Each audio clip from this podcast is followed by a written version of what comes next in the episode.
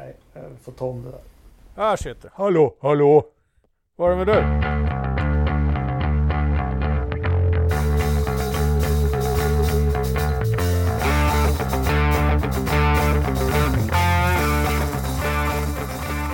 Hej och välkomna till Forsa-podden avsnitt 93 med Jakob Engelmark, Anders Lövström, Christian Ridderstolpe och vi har faktiskt samlat ihop lite pengar och det är deklarationstider och låtit Sigvard Marjasin och Mona Salin ta hand om deklarationen för Joakim Ternström. Välkommen!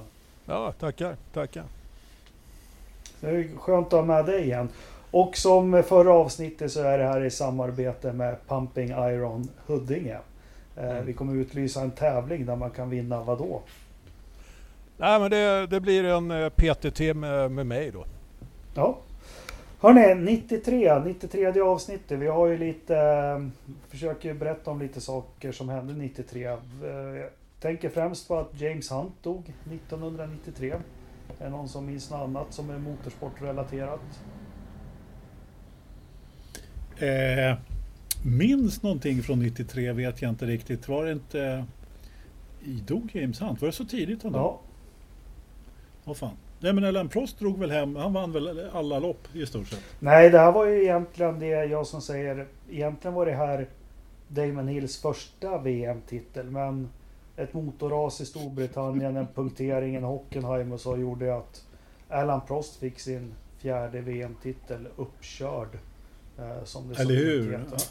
Ja, Han vann ju bara 7-8 lopp det året eller något sånt där. Och hade ju en Williams som i stort sett eh, körde sig själv, säger många. Ja, Vi ska inte vara så nogräknade.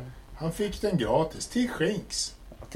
Det var så här lite om 93. Det är väl det året. Vi kommer väl aldrig mer ha så avancerade bilar när det gäller chassimässigt. Det var traction control, det var automatisk växellåda, det var eh, aktiv fjädring och bilar som lutar inåt i kurvorna och precis allt möjligt. Det var, eh, ja, det var väldigt avancerat då. V- V10 motorer, 3,5 liter. Williams låg ju längst fram med det här. 93 är väl också det efter han dog här. Första maj 94. Senna en legendarisk säsong för honom med framförallt första varvet på Donington i regnet. Eh, han Mm. vinner Monaco, är med i titelfighten ganska länge. Schumacher uppe och hugger i Benetton eh, som han kör ihop med Patrese. Det är väl ungefär det som händer. Det jag minns allra mest är väl att Gerd Berger kraschar på väg ut ur depån. Eh, det ser jättemärkligt ut. Eh, Det har ju fått sin förklaring i efterhand att Ferrari som inte var så tekniskt bevandrad på den tiden, hans aktiva fjädring skickade upp hjulen i luften när han kom ut ur depån så han inte hade någon styrning. Det var, Ja, men- var inte det i alltså- Portugal eller vad fan var det? Jo, det var i Portugal. Ja, just, just det. Eh, samma lopp Det var, som det var så... ja, Mika Häkkinen debuterade Nej, det, för det, alltså, det var många det var så många konstiga typer av eh, den där typen av olyckor de där åren också. Där Just när fjädringen hittar på konstiga saker. Ja, Jag vet- kan inte komma på något mer på nej, jag minns men bara det den var, där. Men Ja, det var lite olika. Ja, men jag, jag har ju mer minnen från Indycar nästan. yes, det var nästa. Vad hände där då? Ja, det var väl eh, det, var väl det året som eh, Bill Lövis gjorde sitt första inhopp i, eh, i Indycar, var det så?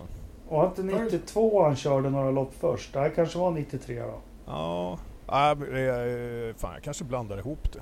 Eh, Ja, i vilket fall som helst så var det ju eh, Nigel Mansells första år i Jajamän. Indycar. och han fick smaka oval betongmur också och bröt ryggen för ja, Ja. någon gång i räkningen. Han, han, han, han skapade förutsättningar för att vinna kan man säga.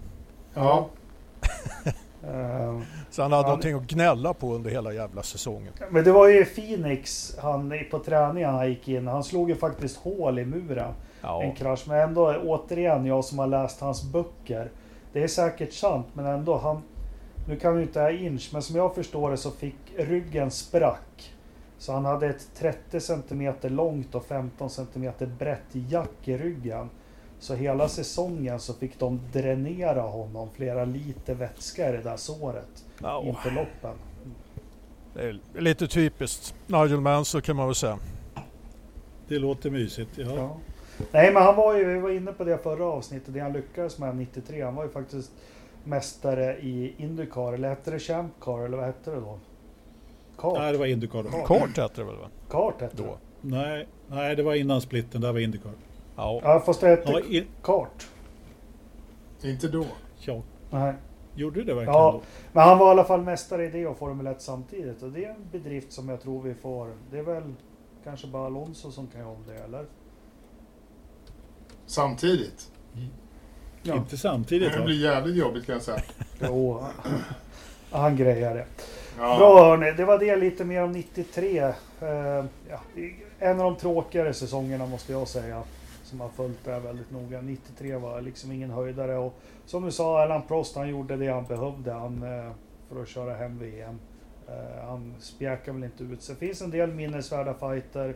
För den som vill söka upp Silverstone, Senna, Prost.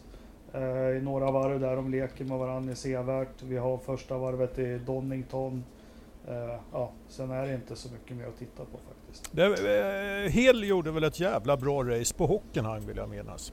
Jo, det, jag, jag sa ju det. Det var Ja. hans första VM-titel. Han, han hade ju Ja. otur. Han ledde ju först i Storbritannien Ja. eh, komfortabelt och så gick motorn. Sen le, ledde han på Hockenheim. Mm. Körde väldigt bra, fick punktering med ett eller två varv kvar. Det var, det var eh, faktiskt, alltså jag fick bara känslan att Hockenheim var den tävling liksom där han på något sätt eh, klev fram och eh, plötsligt eh, ja, vad ska man säga, cementerade sin plats i, i Williams på något sätt. Ja, det var faktiskt lite jag som gillar honom. Han hade det ju kämpigt första loppen och lärde sig alltså. Man kan göra sig rolig över Damon Hill och jag kan överdriva hans talang. Men Steep learning curve säger man på engelska. Hur säger man på svenska då? Brant inlärningskurva. Ja, eh, han hade ju problem första varven, och, eller första loppen och så, men när, när Europasäsongen som det var på den tiden, kanske inte Imola, men de kom till Frankrike, Storbritannien, Tyskland. Eh, och sen så vann han ju Ungern, Spa och Monza, tre på raken där. Eh, så det stämmer Ternström. Alltså, man, man ska ju inte glömma att han eh, hade ju, alltså han, han hörde ju inte direkt till de mest välmeriterade. Nej. Och, eh, och kom ju väldigt sent in i F1. Och, eh, så att han hade ju verkligen, som du säger, en brant inlärningskurva. Damon Hill började ju köra bilar eh, 1984, 24 år gammal. Samma år som Senna faktiskt debuterade i Formel 1. Gjorde väl inga jätteresultat i Formel Ford eller Formel 3. Eh, körde Formel 3000. eh, jag tror inte han vann någon Formel 3000, men han var snabb ibland. Sen fick han ju testförarrollen där. Det är väl Blandells största miss någonsin att säga upp sig från den. Och när det sket sig mellan eh, Frank Williams och Mansell så satt han där i bilen. Så, äh, man kan säga vad man vill om Damon Hill men eh, alltså en imponerande karriär från 24 år och sätta sig i bilar för första gången till att bli världsmästare i Formel 1 och vinna 22 Grand Prix på 12 år. Det tycker jag. Man är inte helt tappad bakom en vagn. Nej, håller med. Men hörni, jag tänkte idag... Det, Du! Ja, ja. Lugna dig lite. Först, först började du prata Formel 1 och så när jag började prata Formel 1 då började du prata Indycar. Jag, jag måste avsluta det här med Indycar. Eh, annars så kommer vi ingen vart. Jag var ju tvungen att, när du började gaffla om kart och allt vad det är för någonting. Det är, alltså, för, för, nummer ett. eh, 1993 så hette det PPG Indycar World Series. Okej. PPG var ju spo- sponsorn där. Eh. Pennsylvania Plain Glass heter de. Så var det så här att 93 var ett ganska spännande år i Indycar för övrigt eftersom det var första gången, åtminstone till min kännedom, som man skulle sända Indy 500 live på TV. Om det Oh. kan Ternström berätta mer. Ja, det var ju... Eh, På svensk TV? Ja, ja, TV3. Yes. TV3 Ja. var det som skulle sända. Och eh, då hade man ju eh, bullat upp i studion då med, med eh, en riktig Indycar-kännare. P.A. Gulle. Eh, den, eh, den, den propellerförsedde P.A. Gulle som, eh, som eh, var rätt hygglig på boxning och eh, Han amerikansk hade ju allt. fotboll. Hockey, hockey Ja, hade han ja, också. Så. Alltså det var, det var ju en snäll och, och trevlig och rolig kille och sådär men, men eh, motorsport kunde han inte. Men sen var ju grejen att eh, TV3 tyckte ju liksom att eh, ja, det, Indy 500 det är ju liksom en transportsträcka. Först är det starten, sen är det en transportsträcka i tre timmar tills eh, det är målgång. Så att eh, man bestämde ju sig för att eh, sända en film då istället mitt i racet. för att upprätthålla spänningen och hålla kvar tittarna så körde man Juggernaut hette, hette filmen. Nej. Och, till råga på eländet hade man ju sett skiten. Men, men eh, P.A. Gulle han lovade ju där att äh, men när det händer grejer här då ska vi komma in, då, då kommer vi att bryta. Vi ska, vi ska hänga med här hela tiden. Så fan att de gjorde alltså. Det var inte många break de gjorde för att eh, hålla reda på ställningen där.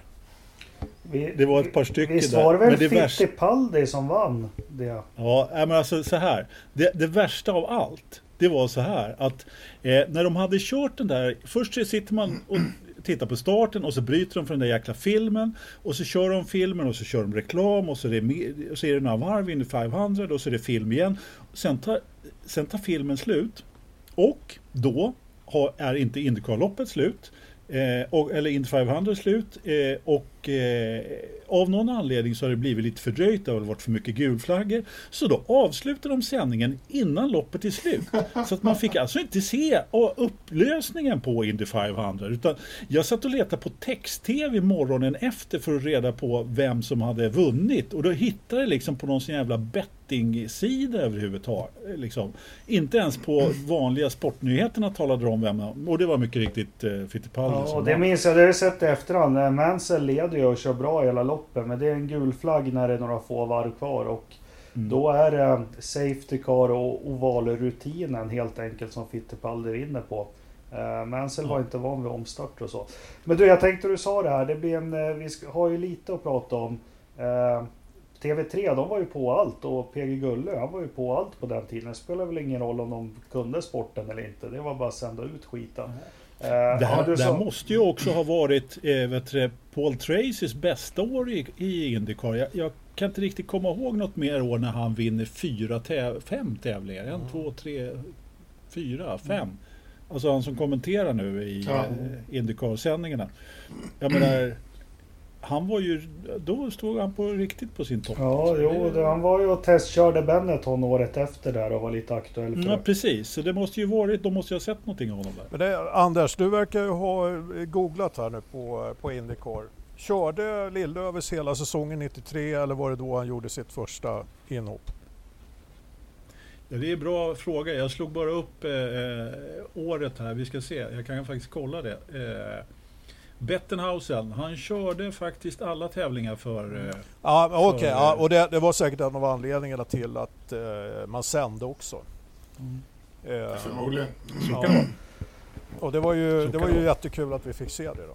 Men så var det ju på den tiden. Eh, Statens Television ville inte ens skriva ut på text-tv som Anders febrilt eh, sökte på. Men eh, motorsport och svensk motorsport har ju fått ett uppsving i SVT. Det publicerades en artikel idag. Vi har ju pratat lite om det här med Svenska Bilsportsförbundet och det pågår väldigt mycket diskussioner och det är handskarna åkt av mellan vissa människor i kommentarsflödena. Men idag skrev, publiceras det på SVT att eh, eh, revisorn ger dem inte ansvarsfrihet på grund av spritnotor, står det där.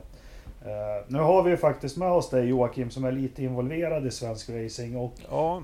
uh, inte att du ska döma eller komma med något skvaller eller någonting men uh, Det diskuteras ju överallt. Va, va, vad handlar det här om? För Å ena ja. sidan så handlar det ju om en USA-resa men så hävdar man att det inte bara det. Så, Precis. Ja. Det, det, har ju varit så här att upprinnelsen till det här var ju USA-resan som styrelsen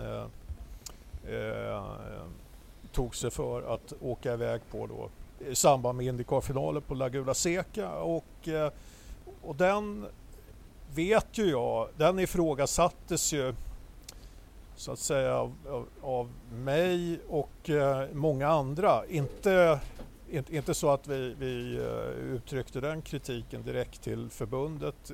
Många med mig är berörda av förbundet men är ju inte aktiva medlemmar i det.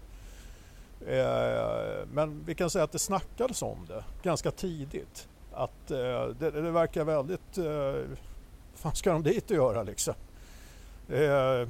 svårt att se nyttan av det med tanke på så mycket annat som finns att, att göra i svensk motorsport. Och sen visade det sig då att revisorn inte gav styrelsen ansvarsfrihet och då har ju många trott att det, det gällde ju enbart den här resan.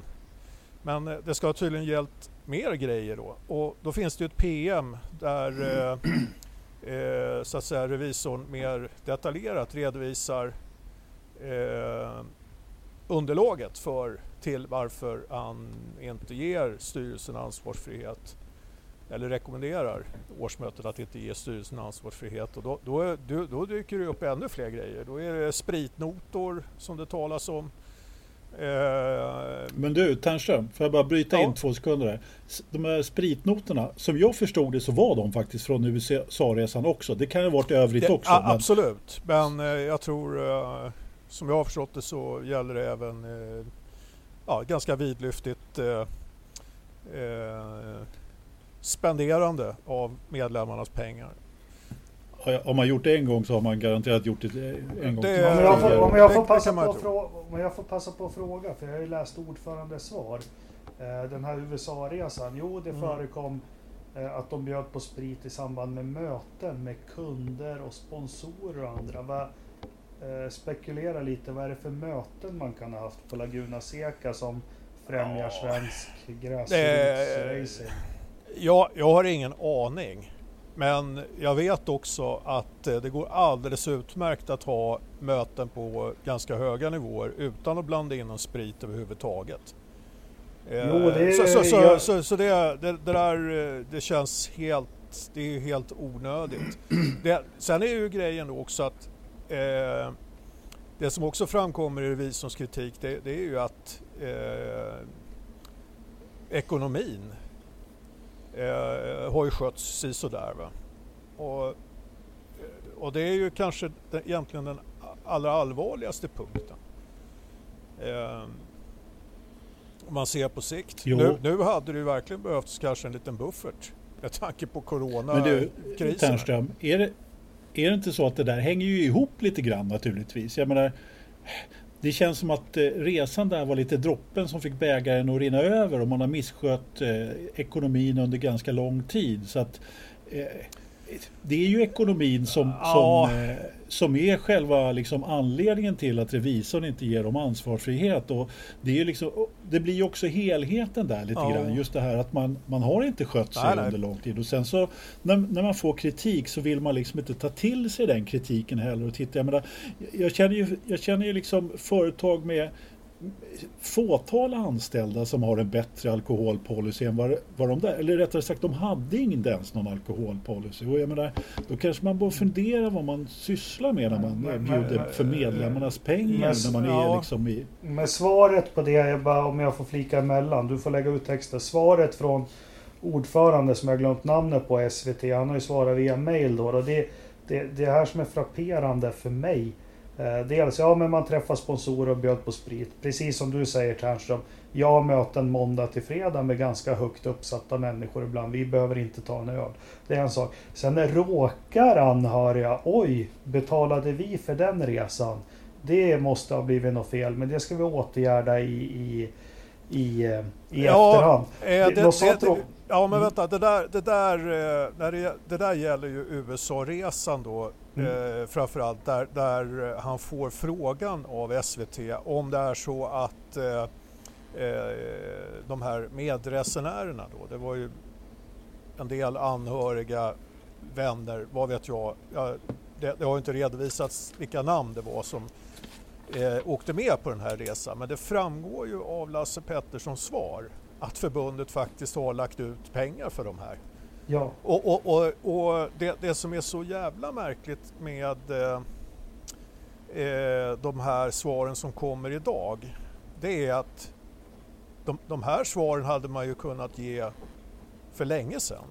Mm. Jag, jag får ju lite tanken att eh, eh, styrelsen visste att eh, de fick ju naturligtvis besked att revisorn hade kritik och att han rekommenderade årsmötet att inte ge styrelsen ansvarsfrihet. Jag får ju känslan av att man nästan har läckt själva att eh, det är resan det handlar om. För sen Nej, har man inte velat... Sen, sen, har, sen, har, jo, men sen har man inte velat... För man har inte velat eh, lyfta de andra punkterna. Man har ju fått hela underlaget Mm. eh, från, från revisorn på, på alla de här punkterna vad, vad kritiken grundar sig i.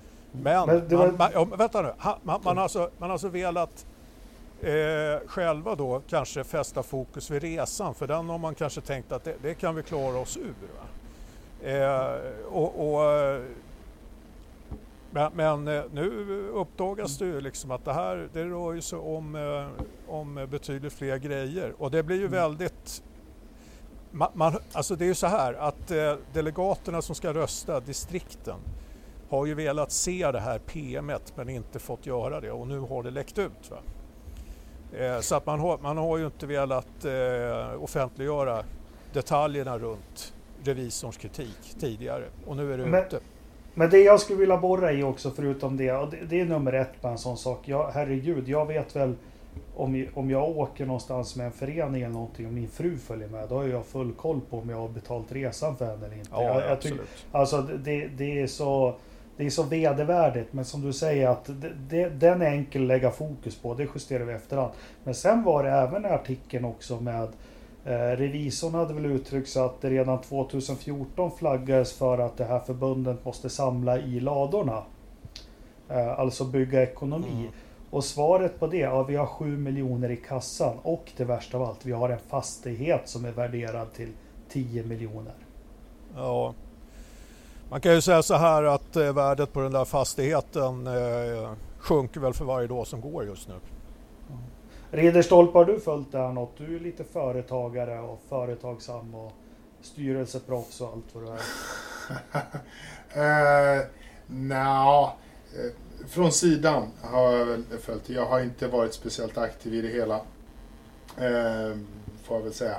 Men, eh, men när, det är väl eh, det är ju klassiskt liksom när, när en revisor inte alltså så här, ger sitt, sin åsikt om att man inte ska ge styrelsen ansvarsfrihet. Då finns det ju saker det är liksom en revisors arbete. Det är, det är deras hederskodex. Alltså, de gör inte sitt jobb om de tillåter eh, liksom ansvarsfrihet när det finns oegentligheter. Och om de ser det minsta lilla liksom sådär, så måste de verkligen ge sin syn på saken. Och om det finns tillräckligt mycket så säger de ge ingen ansvarsfrihet.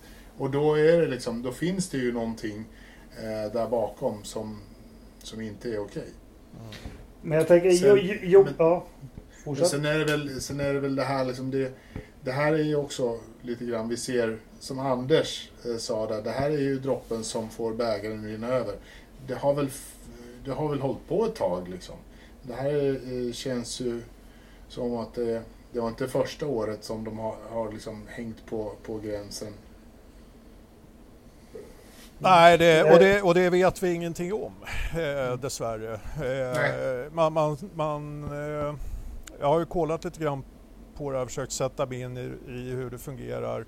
Eh, eh, SPF är ju en förening, liksom. det är en medlemsförening och eh, det finns inget särskilt skydd, något, något, något särskilt juridiskt skydd för eh, medlemmar i en förening egentligen utan det, det är den vanliga lagstiftningen som gäller här.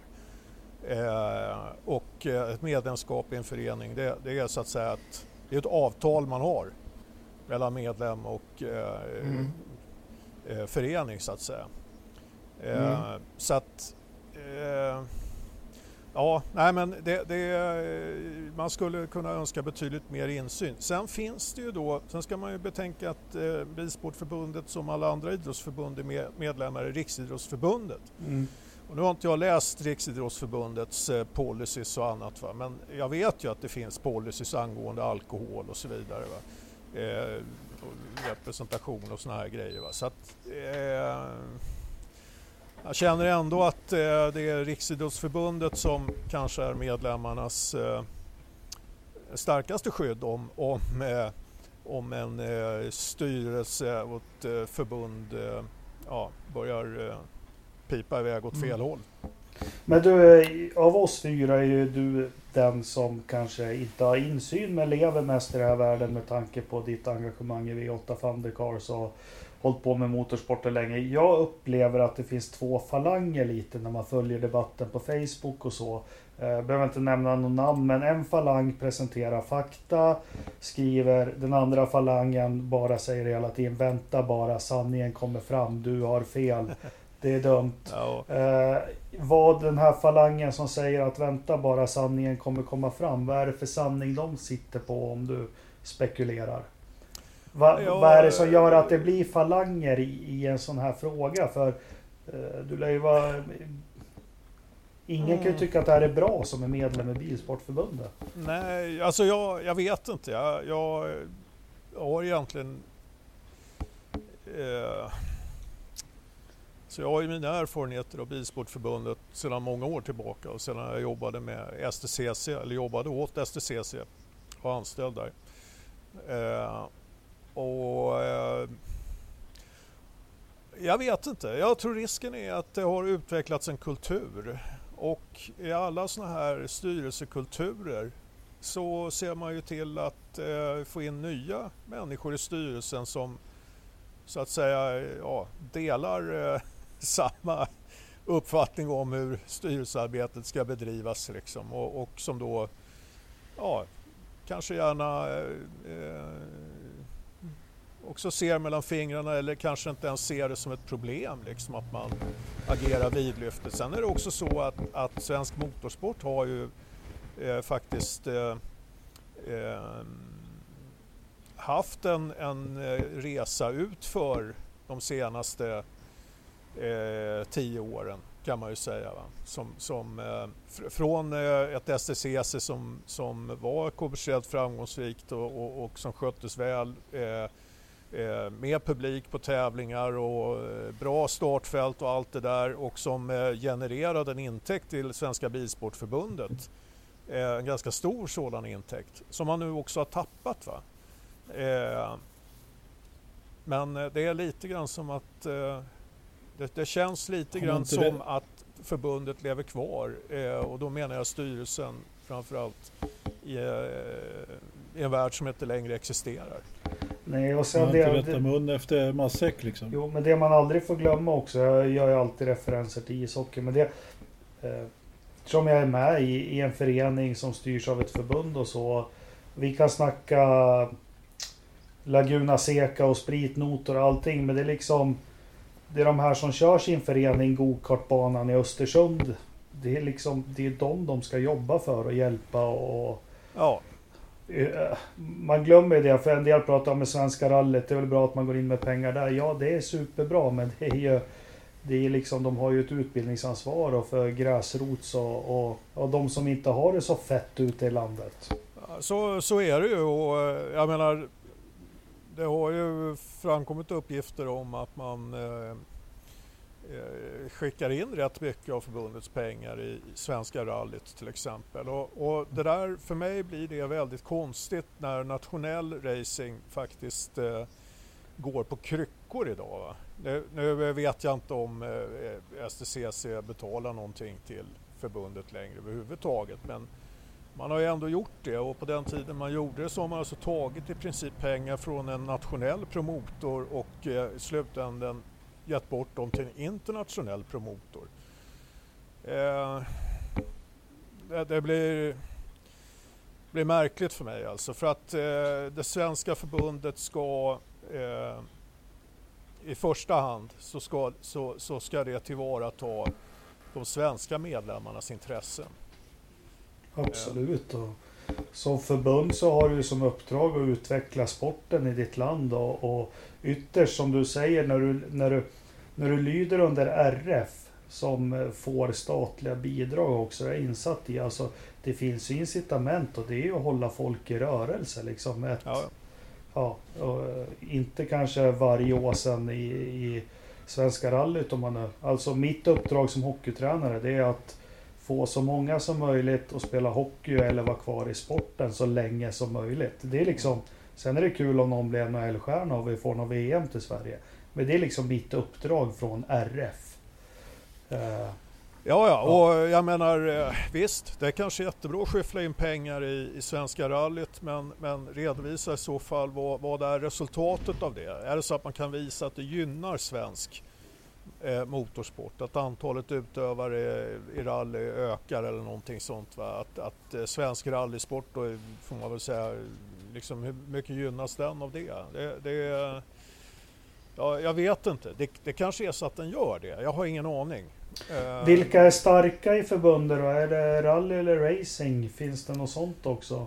Jag tror att eh, rally är nog... Eh, om vi ser till antal utövare så tror jag att det finns betydligt fler utövare i rally. Men nu är det ju så att det är ju klubbar som är medlemmar i förbundet och inte ja. enskilda utövare. Så att ja. det har kanske inte så jättestor betydelse.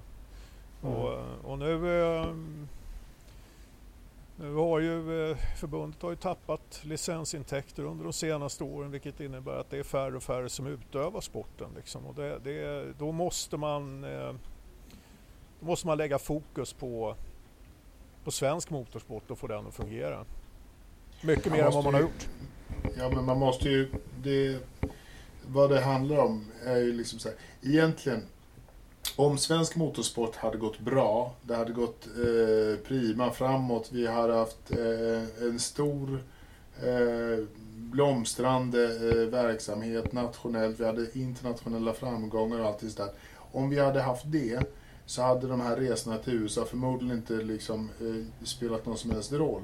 Problemet nu är ju att det går ju åt helt andra hållet.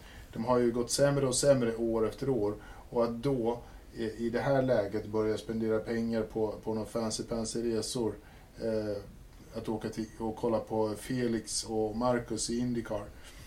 Det är ju liksom ett fel fokus och då har ju styrelsen inte riktigt koll på läget, vad som är det viktigaste att göra. Så att det viktigaste att göra är ju att se till att vi får en, en blomstrande... De ska ju se till, som Jakob säger, de ska skapa förutsättningarna för att lyckas eh, liksom, förbundet ska ju se till att dess medlemmar har bästa möjliga förutsättningar att lyckas med sitt arbete. Att hålla en hockeyspelare inom ishockeyn så länge det bara går eller hålla en förare inom racingen så länge det bara går. Oavsett om man blir världsmästare eller Formel 1-förare eller whatever. Liksom. Men hålla rörelsen igång där har ju liksom, skiftet har ju inte skett överhuvudtaget. Man Nej. tror fortfarande att man har en STCC som pumpar in 10 miljoner i, i kassan per år. Och så tror man att man kan göra vad man vill med de här pengarna. Liksom. Men de har inte funnits på ganska länge. Nej. Men man har, man har inte fattat det och man har inte men, förändrat sig. Liksom. Men, men, det har slagit mig med motorsporten. Vi är alla fyra föräldrar till barn i olika åldrar och vi är alla fyra otroligt intresserade av motorsport. Eh, jag har aldrig fått en lapp i min brevlåda, en lapp från skolan eller någon Facebook eller mail på något vis. Hej alla nioåringar kom och testa kart eller på något vis att rekrytera in. Och jag tänker också som andra sporter gör som också har knappa medel. Men de här Laguna Seca-resan och sånt. Det skulle väl kunna vara att man samlas, man kommer ut i skolor med en liten elkart, de får prova äh, men alltså vad som helst. Man ja. gör ju ingenting för att rekrytera in barn in i sporten? Alltså, ja, eh, där ska jag nog faktiskt ta och eh, jag vet inte om jag ska kalla det för att jag ska korrigera det här. Men, men förbundet, ja, förbundet har gjort en del sådana grejer och det, det är ju vällovligt och bra. Eh, man har haft någon eh, rullande cirkus som har åkt omkring i landet och, och, man försöker visa upp vad motorsport är. Problemet är ju, eh, ligger egentligen inte där utan det är ju att eh, någonstans skulle man behöva samla alla olika aktörer inom svensk motorsport och eh, titta på liksom, vad, vad, kan vi göra tillsammans? Eh, men det, det, det, är ju, det är ju det man ska göra i förbundet, det är ju där exakt. samlingspunkten är. Ja, jo, det, det, är de som har möjligheten att samla aktörerna på något sätt. Ja. Eh, och, och, där skulle de kunna ta sitt ansvar för motorsporten som helhet. Eh, det vill säga samla banägare, arrangörer, klubbar, eh, promotorer Eh, vi i vår klass, eh, vi har ju egentligen ingen kommersiell promotor, vi har en förarförening. Det är den som eh, så att säga ger, eh, ger eh, Performance Automotive i uppdrag att driva serien för medlemmarnas räkning. Va? Alltså den, den typen av eh, aktörer ska samlas liksom, för att vi tillsammans ska kunna eh, liksom bena ut vad fan är det vi behöver göra för att få svensk racing att eh, fungera igen. Liksom. Därför att den fungerar idag väldigt, väldigt dåligt. Det är täta skott mellan klasser, det är täta skott mellan deltagare och tävlingsledningar. Det är täta skott mellan, mellan eh, eh alla olika aktörer. Alltså alla lever i sin egen bubbla. Funktionärer lever i sin bubbla, tävlingsledningar i sin bubbla, deltagare i sin, SPF i sin. Eh, och, och, eh, det finns ingen som helst samverkan. Man åker ut på en tävling, känslan är liksom att fan, vi, vi, vi jobbar inte för samma mål. Det vill säga att bjuda publiken på ett jävligt bra evenemang. Mm. Den känslan mm. finns överhuvudtaget inte. Och om vi inte kan liksom hamna där, då är, då, är, då är produkten stendöd. För finns det ingen som vill se på skiten så kommer det inte att rulla in några kulor för, mm. för att deltagarna ska kunna tävla. Men det är, det, det är det här som jag menar, jag som är utifrån. Jag måste bara, det var bra att du korrigerar mig. Nu är inte hockeyn ett facit, det finns många brister. Men om vi säger rekryteringen där, när du är 6-7 år så kommer ett utskick från Svenska ishockeyförbundet centralt. I hela Sverige till alla att det och det datumet så finns det en is och där finns det instruktörer och så tar mm. de dit alla barn i hela Sverige. Sen fördelas de ut i föreningarna, att de får ta ansvar efteråt med första rekryteringen.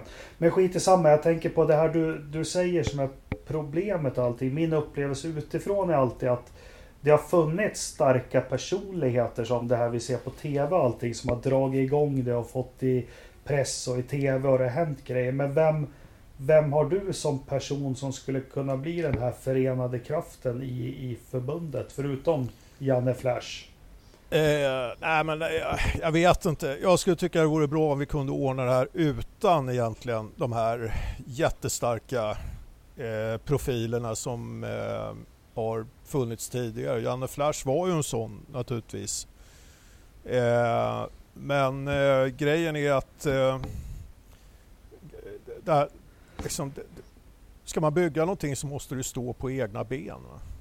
Eh, och lite lite, lite utan kanske den här typen av profiler liksom för att eh, den dagen de försvinner så får det ju inte bli så liksom att, att skiten kollapsar. Va? Det, är, det är helt okej att använda profiler liksom, men profilerna ska göra sitt och, och dra sitt lass, men det ska inte liksom vara så att nej, det byggs har, runt, har, bara har, runt en profil. Nej, har man tur så dyker en sån upp och, ja. och, och, och, då kan man få en jävla draghjälp. Va? Men man kan ju och det ska man utnyttja. Och det, det, kan, det kan man utnyttja.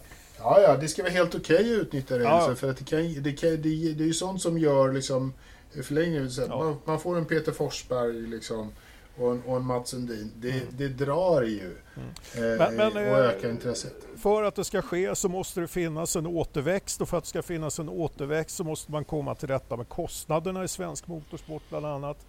Eh, Eh, och eh, man måste också se, se till liksom att eh, för kan man göra det, då, då kan man också hitta en balans där intäkterna kanske också matchar kostnaderna. Och idag eh, så är det inte så. Jävligt mycket av det jobb som idag läggs ner på att hålla svensk racing under armarna bedrivs väldigt, väldigt mycket på ideell grund. De timmar som läggs ner av eh, relativt antal få personer som håller på med det här i svensk elitracing, det, det Ja, det, är, alltså det är otroligt stor andel ideellt arbete som, som det handlar om. Men jag, tänk, jag tänker så här, och du sa att kostnaderna, jag håller med. Jag har ju en dotter, det har ju du med Tärström, som rider. Ja. Men alltså, och det är ju dyrt. Men ändå, vad fan, jag, varför kan inte jag få komma till med min son till gokartbanan i Västerås? Samma upplägg. Kom dit, du får skruva med kartan en halvtimme, tanka den och Mm. Ja, ja men eh, visst, man kan, man, kan, eh, man kan ju köra kvart på den nivån för att det är roligt. Men eh, vill du bli något sån här seriös så kommer det att kosta jävligt mycket pengar. Väldigt fort. Jo, men det, det får ju komma sen. Och, och, men du måste ju kunna Du måste ju kunna Ja, men få håll, hålla på på en rimlig nivå upp i ålder. Ja, du, kan Ja, men ju det- hålla på, du kan ju hålla på och köra liksom lite hobbykart och, och sådana där saker. Det, det går Ja. ju att köra. Eh, Du kommer inte att, vinna några mästerskap på det. Liksom. Men, men om, du, om du bara kör för att du tycker att det är jävligt skoj att köra så, så går det ju att göra. Jo. Eh, Ja, men är det- relativt sett okej. liksom. Jag tror att det är alldeles för många som upplever att eh, det, eh, är man det minsta seriös och, och, och så att säga vill, Mm. Vill Så måste du försöka klättra sponsor, måste du, måste du ha Så- sponsorer. alltså. så blir Då- det snabbt djävulskt dyrt alltså. Ja. Men det jag ville komma till, då säger min Albin då, om han skulle fått det här och det skulle varit som med hästarna. Nej, men han kanske inser att jag inte är tillräckligt snabb eller pappa säger att vi inte är råd. Men Mm. vem vet, han kanske blir funktionär, han kanske blir mekaniker. Han kanske Ja, ja. skriver om karting i skolan, specialarbetet, skriver om det till, alltså håll kvar i sporten, är du med? Mm. Ja visst. Eh, visst. han kanske kommer sitta och kika på Formel 1-loppet för att han på Men- TV. men, eh, alltså. Ja, nej, men jag, jag säger inte att det är fel att, att göra Mm. så. Jag säger bara att det, eh, som det ser ut nu så är det svårt att locka in Ja. ny, ny, nya i detta. Och det gäller ju inte bara aktiva utan som du säger också även funktionärer. Vad säger du då Lövström? Du som har, du har ju inte det här cashflow-bekymret. Jag, eh, angående ungdomar i motorsporten så håller jag med dig helt och hållet. Jag tycker att klubbarna, de lokala klubbarna på sina ställen skulle agera precis så som ridskolor gör. Och låna ut kartor till för, för en summa och eh, på det sättet. Det stora problemet är väl kanske att eh, Liksom att man inte har haft den typen av grundmurad ungdomsverksamhet. Det är lättare att gå och spela fotboll, så är det ju. Det, tröskeln är för hög för att börja med motorsport. Så jag, jag är helt inne på din linje där faktiskt. Mm. Eh, Så, men eh, jag säger inte, sen är, det här är ju en eh, ganska stor fråga också. Eh, Jag vet inte, med förbundets vara eller icke vara skulle jag väl egentligen bara vilja säga att eh, eh, på något sätt så har ju förbundet gjort sitt och avgår de inte, vilket det verkar som att de inte gör, så kommer ju de eh, eh, kommer ju de bli avsatta på ett eller annat sätt och det kommer bli uppror i hela Svenska Bilsportförbundet. De kommer ju aldrig kunna sitta kvar med heden i behåll på, på det här. Då. Och det är precis som du var inne på Ternström tidigare där med Svenska rallyt, att det, det är mycket möjligt att det behövs ett Svenska rally i Sverige och vad det gör för motorsporten. Men då kan man inte skicka in pengar i två privata bolag Eh, och sen så dölja det. Det är ju det som är problemet med hela Bilsportförbundet. Att man, man har helt enkelt försökt att dölja saker och komma med såna här efterhandsförklaringar och grejer. Man har helt enkelt inte agerat renhårigt. Och man har fortfarande inte insett att man inte kommer att komma undan med det. Jag menar, hade man insett det, då hade man avgått. Ja. Men liksom, man har alldeles för mycket prestige. För, och man ska, precis som du också sa Jakob tidigare, att, att ni kommer få höra sanningen. Ja, vilken jävla sanning finns det som, som liksom tar Ja. bort att man har glömt att betala för en privat resa eller för ett groggbord liksom? Hallå, hur svårt är det att ta en sån nota privat om man är ute och äter? Och, och menar- är det nu så att man har en sanning att lägga fram, är det då inte tid att göra det nu? Eller hur? liksom, va- Jag tyckte han... ehm, Det är, Jag tyckte, han, jag tyckte han skrev det bra också, hur enkelt det kan vara. Men nummer ett, så fort, det kan komma in hur mycket framgångsrikt folk som helst från näringslivet. Men så fort de hamnar i idrott så går det bananas. Det vet jag. Det har jag sagt förut. Men som Harry Jocke skrev. Han bara, jag driver stall och jag har allting. Jag har representerat. Men då har jag tagit en nota för maten och en för spriten. Och så har jag betalt spriten i egen ficka. Det är liksom inget svårt.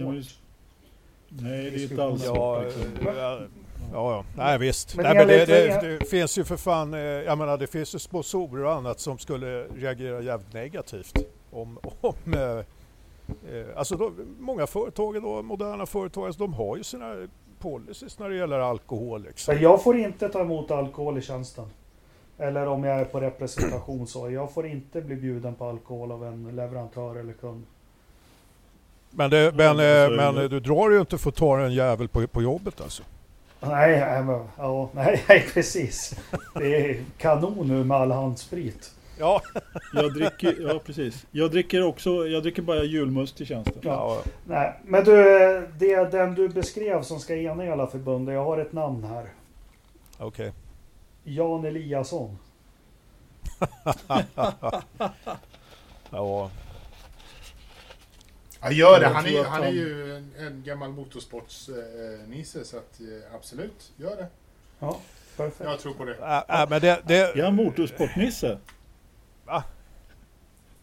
det var mer än jag visste. Ja, jag har inte jag heller eh, uppfattat. Men eh, grejen här är väl också att eh, jag ser inte varför styrelsen ska vara så fruktansvärt aktiv för. Man har en förbundsdirektör som ska driva verksamheten. Mm. Ehm, och det väl räcka med att man bedriver sedvanligt styrelsearbete och ger förbundsdirektören de eh, ramar som Ja. denne behöver för att driva verksamheten. Det känns ju... Ja, men du säger ju någonting där att eh, det, alltså styrelsen har ju hamnat väldigt mycket i fokus eftersom det var de som åkte på resan. Mm. Och de är ju närmast ansvariga men det måste ju, precis som du säger, alltså ansvaret ligger ju inte bara där utan det måste ju finnas andra personer då som också, det kanske har reagerat innan men Ja, förbundsdirektören definitivt. Eh, Men det är klart, är det en, ett gäng här då som har gaddat ihop sig om jag får kalla det det då. Så, precis som du var inne på tidigare också att man förser sig ju med ja-sägare när man håller på så. Ja, det här, vi Nej, kommer vi ska, kanske nej, vidare. jag, ska, jag har ju sett och snackat upp hockeyn som just nu har ju en... eh, Ja, VDn för Hockeyförbundet har ju fått avgått på grund av... Mm. av eh, ja, det har varit sexuella trakasserier mot kvinnor, diskriminerande lönesättning mot kvinnor, eh, uppsägningar konstigt, fackliga företrädaren fick sägas upp utan någon anledning. Och, men skillnaden där som jag jämför debatten som jag sa med falang, falanger i hockeyn. Då är det alltså 70 av våra största hockeyspelare som har skrivit upp ett brev och skrivit under liksom korten på borden. Nu måste vi rensa upp i den här sporten vi älskar och allt. Eh, ja. Strunt i samma. Det var väl en bra redogörelse av det som händer. Nu har vi varit lite intellektuella, men det har varit lite iRacing i alla fall. Hur jag såg loppet, Indy 500. Gjorde ni? Ja, Eller Indy 70, eller vad blev det? 135. Nej. First Responder Hund- 175. One set, just det, Ja. precis. Och då ska vi börja. Jag vet inte hur vi ska börja. Eh, Jag ägnade dagen åt, det vart ju kaos. Och Marcus blev påkörd och Ferrucci kör på någon och Lando Norris tar dem ut. Och först var jag lite så här, ja men vad fan det är ju bara. Sen har jag följt allt det här på Twitter och eh, eh, diskussioner om går och ändra lite åsikter. Alltså, det här var väl jävligt onödigt av Ferrucci och vem var det som körde ut Pa, Norris? pa. Parsenot. Det här var väl jäkligt onödigt och jag tror inte styrelse och så för Indycar är så nöjda nu, eller vad säger ni? Jag tror inte någon, eh, alltså så här. Nej, de är inte nöjda över det. Pagino var... Eh, jag är inte så förvånad att Ferrucci gör idiotskaper. Så. Men, men att Pagino gör det liksom så här medvetet och, och eh, så. Det var nog inte någonting som eh, eh, Indycar-styrelsen tyckte var en, jäkligt bra idé. Liksom, bara för det, han var ändå den som vann det, det riktiga racet Ja, ja. förra året och liksom det, det haussades upp ganska mycket i sändningen och allting sånt och när det liksom snart efteråt visar sig att han, han medvetet har tagit ut en annan förare liksom. Det, det var jävla... Men ska vi ta den från början? Det som händer det är att han kör ut i banan och kör väldigt sakta och Lando Norris som är på väg mot seger kör in i honom. Och han Mm. hävdar att den incidenten missar jag, men det var ju någon incident som gjorde att Pagano gick upp i väggen va? Som Lando Norris var skyldig till. De tyckte att han dök lite på insidan men alltså det finns ju ingenting någonstans där man kan förklara bort det. Jo men den debatten det- är intressant för den har jag följt på Twitter. Europa, europeisk racing och amerikansk. Det är många som tycker att det var vidrigt av Paggen att göra det där men det som Norris gör att så kör man inte i Indy 500. Mm, ja, jag, eh, jag såg inte hela loppet. Jag har inte sett den incidenten som eh, Parsenot eh, tydligen eh, har hängt upp sig på. Då. De kör Eh, tvillingkör två ja. stycken. Personal ligger högst upp och så ligger, jag vet inte vem där. Och sen så sticker Norris in, in sig så att de blir tre i bredd. Mm. Ja, Vilket gör att Paginot trycks upp mot väggen och debatten, jag säger inte rätt Ja. eller fel, det är att eh, det är inte en fråga om respekt heller, men man kör inte så i ett ja, Indy 500-lopp liksom. Nej, det är, det är fullt möjligt. Jag känner igen den här situationen. Den, är väldigt, den händer väldigt lätt i simracing. Liksom, att man, eh, där, därför att man har två förare som ligger i jämnbredd. Och, eh, eh, I simracing så är det inte helt lätt att veta exakt var motståndaren befinner sig någonstans. Så att man, man försöker gärna ge varandra lite extra utrymme och är det då extra utrymme däremellan och någon lägger sig där så blir man kanske inte sådär eh, jätteglad. Men det, det som är intressant här tycker jag det är ju faktiskt att eh, jag, jag, tror att Pagenot har fullständigt underskattat vikten av eh, det man har försökt att göra liksom i Indycar. Alltså man är, är massvis med folk som har ansträngt sig för att eh, eh, bjuda fansen på, på en jävligt bra grej. Man försöker upprätthålla intresset runt serien. Eh, man man, man mm. eh, har, har en jävla högt eh, vad ska man säga, produktionsvärde i det här. Det är kommentatorer man, man drar in och det sponsorer. Ja visst, visst. Och, och sen, och man, många som alltså lägger ner ett jävla jobb på att få det här att funka och sen så sitter han och beter sig på det där viset alltså. Det är, det är, och, jä, det är jävligt och, bortskämt alltså. Och så är han så osmart också så han nekar ju till det. Men jag såg igår kväll någon hade Lando Norris la ja, ja. ja, liksom What a class act, he's lying. Och så skrattar han som han jämt gör. Men han är upprörd liksom. Han hävdar ju att det var en olycka ja. först. Men då har han ingen aning om att han har ju sett och livesänt sin eget lopp hela tiden. Och, och, och planerat det här med sin spotter. Ja, ja, ja men han sa... Han, det var ju så här, för de som missade så sa han det liksom det redan när han åkte in i depåstoppet strax innan så sa han liksom nej, let's take Lando out. We take him out. Någonting sånt där. Att han skulle liksom så ta, ta Lando av banan. Kommer ut och kör en varv och lite sådär och sen eh, lyckas han ju då med, med sitt uppdrag om man säger så. Att, att Lando kraschar och sen hade de ju en konversation eh, med varandra ganska direkt efter loppet, Lando och Paginot. Och då hade han sagt, eh, så här, nej men det var ju inte så här, oj oj oj. Sen hade han fått klämt ur sig. Nej, jag skulle ju inte, han skulle inte krascha in i mig. Jag skulle bara sänka farten för honom. Jag skulle bara få honom att sakta ner så han inte vann. Ja, men vad, vad, sa du? Liksom, vad sa du att du skulle göra? Ja, men jag skulle bara liksom få honom att, att sakta ner så att han inte vann. Ja, men du gör, så här, snacka om saker man inte gör i Indy 500. Liksom. Du, du lägger det fan inte framför någon annan och försöker sakta ner. Liksom. Nej, och... det, han försökte ju skylla det... på att han skulle på också och det, ja, det gör man ju just... inte där utan det, det man svänger ju av innan kurvan. Ja, alltså det är, det är så mycket fel.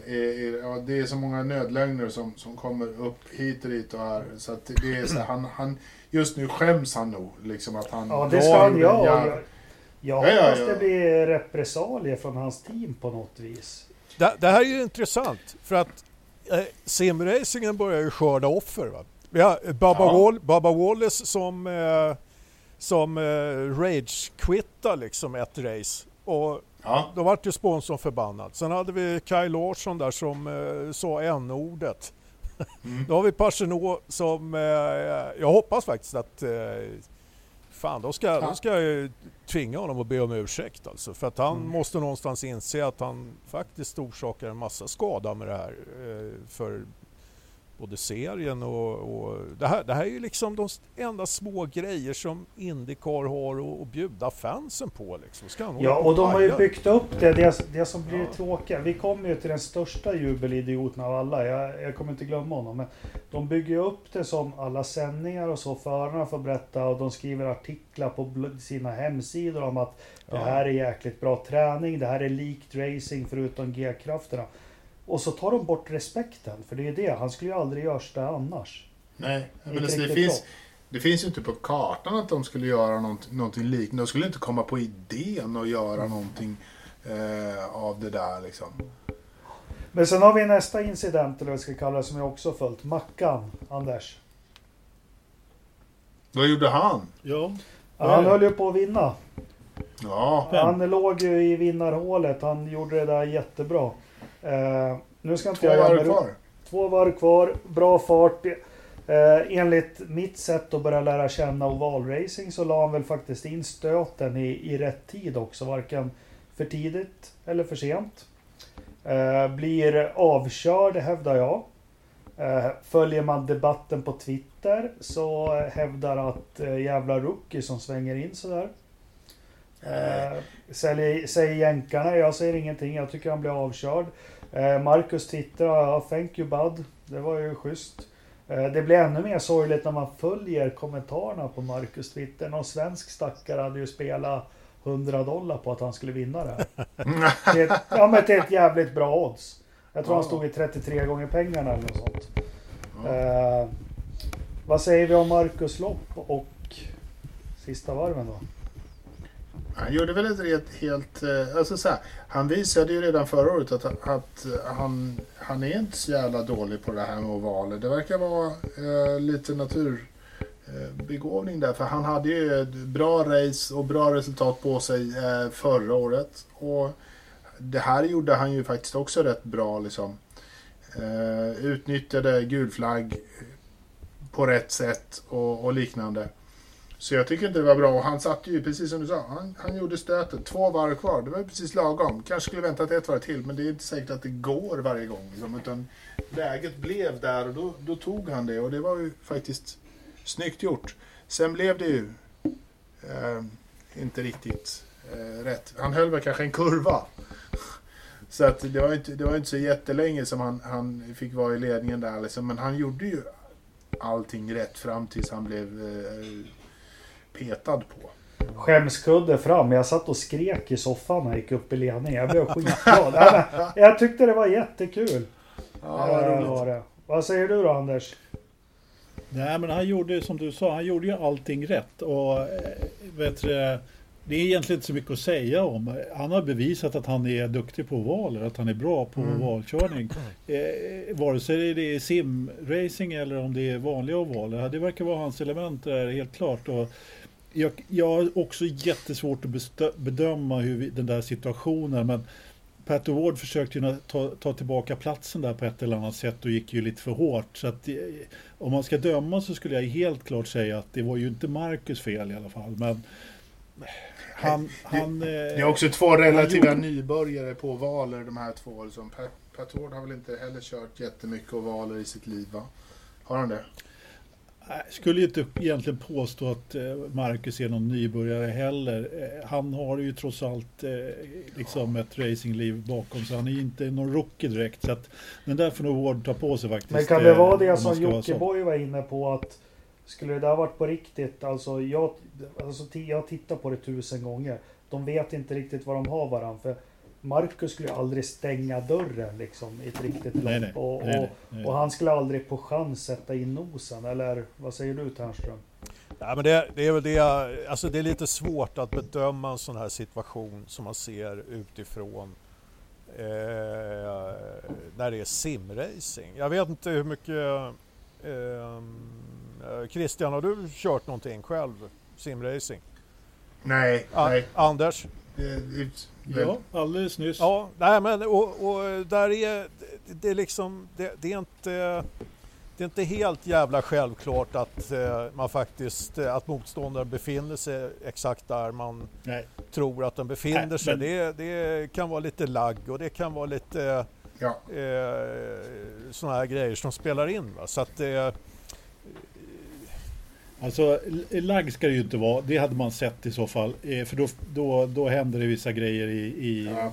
liksom, i bilarna. Men, men det, du har en poäng i det. För att det är, fakt, det är lite svårt med avstånden där, helt Ja, klart. ja, absolut. Så är det. Och det är ju det här som vi pratade om tidigare med säkerhetsavstånd också. Alltså jag dömer inte Pat Ward hårt för det där. Det där är sånt som kan hända i, i de där situationerna. Men det kanske inte hade hänt om det hade varit på riktigt. Men det, är, det kan vi ju sitta och prata om hur länge som helst. Liksom, om det hade varit eller inte varit.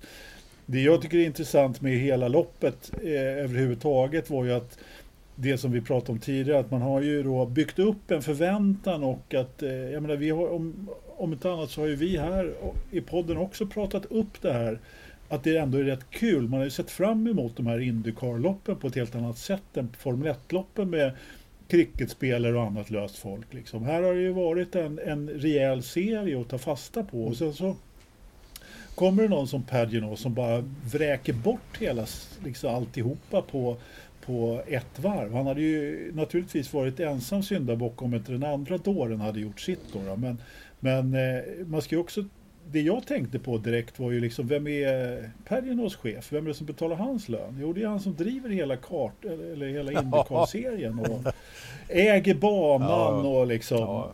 Alltså jag, som du Ternström, så hoppas jag verkligen att det blir någon form av att han får något skit för det där. Eh, överhuvudtaget. Jag vet inte. Jag har oerhört svårt med den där typen av ja, eh, beteende på med... banan. Alltså. Så man, och just, den, just den här grejen, som hämndgrejen och bara för att det är simracing, ja. liksom, då visar man ju på något sätt sitt riktiga jag. Eh, om man tror att man kan göra det när bara för att det är simracing. Ja, men, men, det, men, det, men det sa ju, Santino Ferrucci blev ju liksom intervjuad eh, relativt sett snabbt efter racet och, och sitter och, och småskrattar. Och liksom så här, ja, ja, visst. Och verkligen så här, så, It's just a video game. Och du har fan inte fattat grejen överhuvudtaget. Så liksom... jävla respektlöst mot oss ja. som sitter i Sverige här eller var som helst och tittar. Ja, ja Men alltså det, det, det, serien är ju, det är ju, de har ju skapat en sex race serie. Det här var ju för att de skulle liksom så hålla intresset vid liv. Det här var ju viktigt för hela Indycar liksom hela den här serien. Klart It's det. not just a video game, it's your fucking job. Mm. Uh, ja, och, och, och, faktum är väl att Autosport hade väl en rätt fet rubrik om hur Indycar sumpade hela, hela grejen ja. här. Med, med, uh, På sista varvet? Ja, visst, Verkligen. Precis. Uh, mm. och, jo men det gjorde man ju. Ja, ja visst. visst. Och det, och, ja, det var, eller Indycar sumpade inte Ferrucci och Paggen som... Ja, de, de förstörde de, det ju de för Indycar. För att, Indycar. Ja. ja, för ju, jag läste ju massor med kommentarer att ja, men det här var ju jättekul men nu kommer jag aldrig mer titta på ett simrace. Mm. Liksom. Och det är klart att eh, förstör man då när man har lyckats bygga upp någonting som ändå ser ut att kunna bli någonting bra, speciellt då när det inte finns någonting annat att titta på, kanske nya som kommer till, och så är det några som, som inte har någon respekt överhuvudtaget för det här. Jag menar, Ferruccis grej, den var ju på något sätt ännu värre tycker jag. Eh, Men den var respektlös. Han fattar inte att det är X antal, jag vet inte om det är miljoner som tittar eller hundratusen. Men Nej, som sitter och tittar på det där och, som jag sitter och jublar lite i soffan. Och så liksom tar han ner mig, 43-åringen på jorden. Det är bara ett... Ja, ja men gör det där ett lopp. Men det är bara en lek. Det är bara sport. Nej, men det, fan, det, är, det är respektlöst mot de andra som sitter där och kör också. För jag kan garantera, eh, för jag, jag kollade inte hela racet, men jag såg tillräckligt mycket för att inse liksom att helvete, de här får koncentrera sig mer än vad de får göra i ett riktigt race. Alltså. För det var så jävla jämnt. Och jag har ju mm. kört lite iRacing själv så jag vet hur jävla mycket koncentration och fokus det där kräver. Liksom. För det är svårt. Det är, det är mycket lättare att köra av och göra misstag i, i iRacing än vad det är att göra i verkliga livet. Liksom. Så att de här, de körde ju grymt bra liksom. Och, och eh, trots att det var så jävla tätt alltså. Vad fan, det är ju... Det är ju ja, ja, och, sen, ju... och sen hör man hur de har köpt riggar och de laddar och... och Precis. vad fan. Jävla sätt det där. Alltså det, det är jävligt bortskämt. Så respektlöst mot... Nu, nu, nu var inte Wickens med va? Nej. Ja, han blev utslagen i kvalet. Ja men precis. Han, han det, det, här är liksom hans allt och kan han bygga en ratt till honom och så den där jävla Ferrucci. Det bara, nej. Nej, ja, klockrent veckans första. Nej, men just den här respektlösheten naturligtvis och, och, och det här att Eh, jag menar, Lando Norris då, han är ju förmodligen liksom, han har ju kört hela veckan. Nu tränar ju han ändå i Han skrev ju det, hur många timmar han har lagt ner på det här. För det här loppet. Ja, ja. ja men precis. Lando, Lando bara... hade ju kört 25 timmar bara för att lära sig att köra vänster. Mm. lära sig att svänga vänster på absolut bäst, bästa ja, sätt. Ja, ja. Alltså, det finns mycket viktigare grejer att ägna sig åt här i livet än, än det där. Ja. Men, men liksom, det är lite som Anders säger att eh, eh, man visar också lite av sitt rätta jag när man gör sådana här mm. grejer. Liksom. Varför kan man inte liksom, ha kul, respektera liksom, att, att, mm. eh, att andra faktiskt försöker att göra någonting positivt här. Liksom. Så, lite så. kommer man med, sin, med, med sådana där jävla grejer alltså. Ja, det där är... Brott. Ja, fan. Och för er lyssnare som undrar att det finns bättre saker. Ja, har du kommit till åren, diskarna börjar ta slut och gör ont i lederna. Då är det viktigt att stärka upp muskulaturen. Och det gör du med fördel hos Pumping Iron Huddinge. Ja, Ja. ja, ja. Ja, ja hörni. Eh, vi har hållit på länge här nu. Klockan börjar pipa iväg. Har vi några frågor Anders? Ja, det Vi skiter faktiskt, i Formel eh, 1-loppet. Vi pratar inte ens om det. Nej. Så var det. Så. Nej, vi behöver inte prata om det. Men du, förra veckan så klagade jag på dig när du eh, hoppade över övrig motorsport eftersom det hade hänt en grej där. Ja. Kan vi åtminstone ta det den här Ja, veckan? en liten utblick i motorsportsvärlden. Anders, har du något att rapportera? Är det några men, fräcka alltså, är ju- stallbyten i Formel E eller något Indonesiens Ja, alltså, Formel for-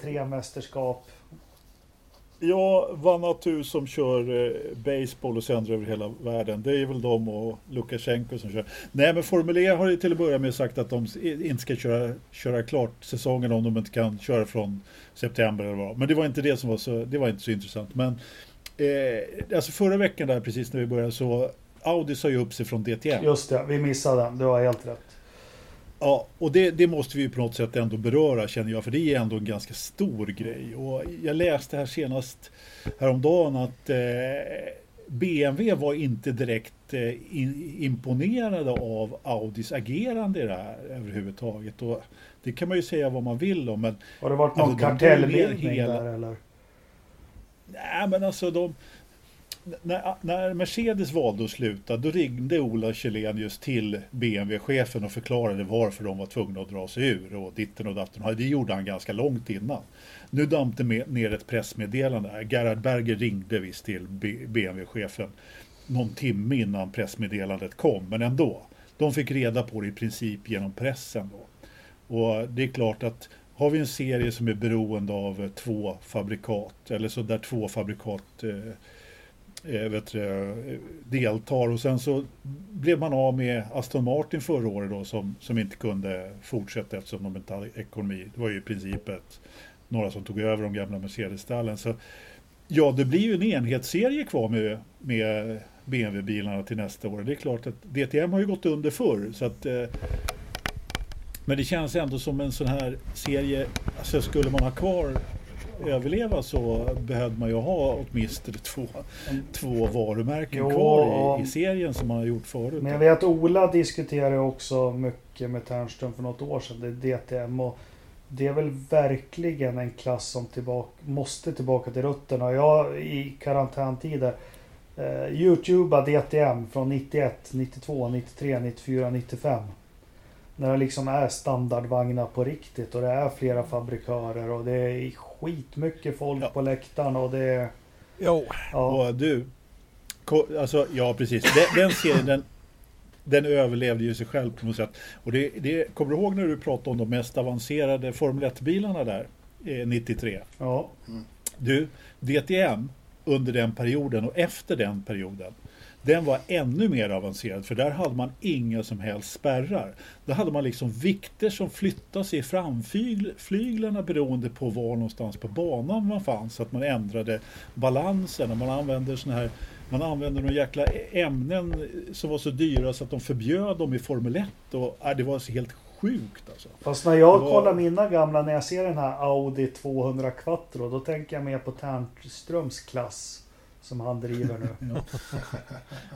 Ja, men, var Ludvig, eller vad hette han som körde Ja, för ja. Audi då? ja, han var väl Mercedes-förare. Klaus Ludvig, han var, hade ett Opel-stall och körde tillsammans med eh, Kekke Rosberg faktiskt. Ja, Eh, Men, och men, eh, Opel försökte ju där, de försökte få fart på sin Omega som var min drömbil. Och sen kom de Mm. med Calibran. Men sen det roligaste var att de körde ju på Nordslingan. men du, eh, eh, Jakob, du, du sa Ja. skulle behöva gå tillbaks till rötterna. Problemet här är ju att det är de tyska bilmärkena som är rötterna.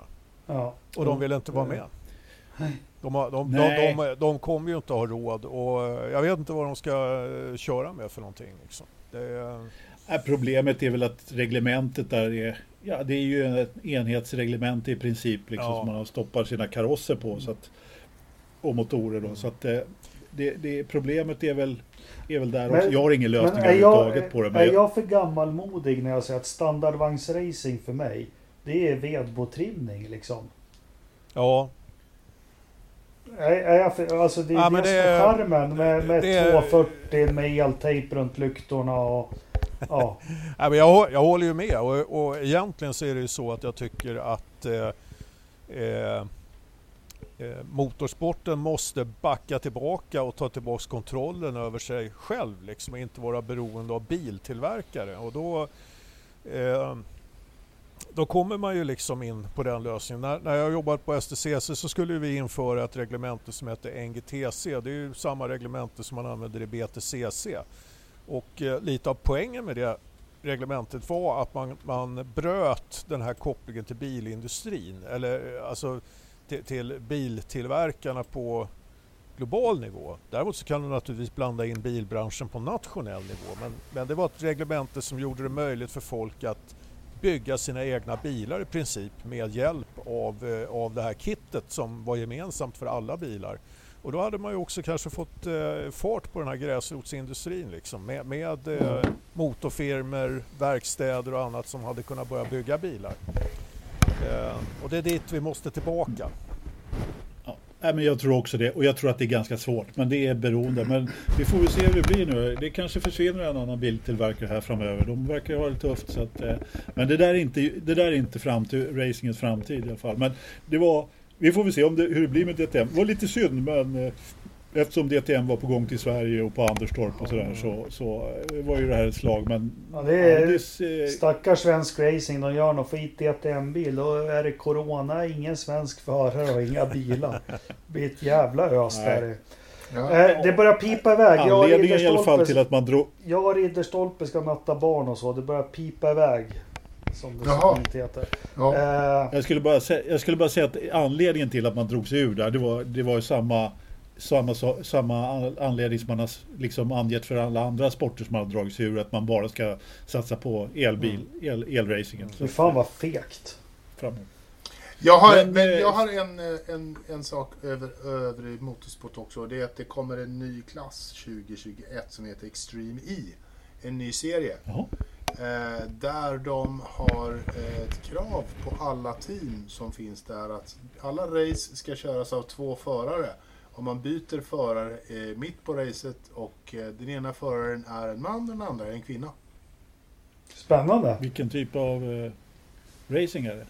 Eh, ja, det är... Det var en jävla prototypbilar och sånt som jag såg. Jag vet, ja, men lite. Nej, jag vet Ja. Jag såg inte eh, riktigt sådär. Men det var eh, Mikaela, eh, hon Kotelinski Olin va?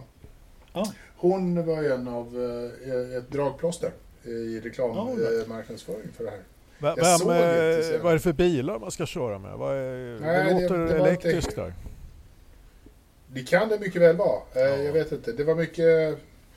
Ja, men frågan är om det Eh, inte var det Audi-bilar som man såg i reklamen. Det är dags, du, dags för ett eh, elracingförbund så kan de syssla med det som vill hålla på med det. Ja. När, jag, när jag var liten, nej men på 80-talet, då körde ju Formel 1-förarnas eh, brudar körde ju förrace då i något så här. Vad hette de? Yes. Fiat Arbat eller vad hette de? Fiat Abarth, ja just det. Ja. Ja. Mm. Eh, ja. Eh, på Ja. tal om det, en sista grej. Vi måste bara nämna det. Ross Braun har ju gått ut idag i Sky och eh, de skär ännu mer i Coast. Mm. Det kommer i frågorna, vi kan ta den på en gång. Ja, vi kör fråga. Eh, jag har en första fråga. Eh, Ternström, du är inte med så ofta. Hur går det med Emilia? Ja, jag vet inte. Hon eh, fick lite kalla fötter när jag öppnade upp gymmet här. Eh, hon ville hon ville ju direkt ett äktenskapsförord och såna grejer och då sa att det kan, fan, det kan du glömma. Fet glömma. Då får då drog hon. Det är ingenting för en Huddingebo, det är inte. Nej, nej. Mm.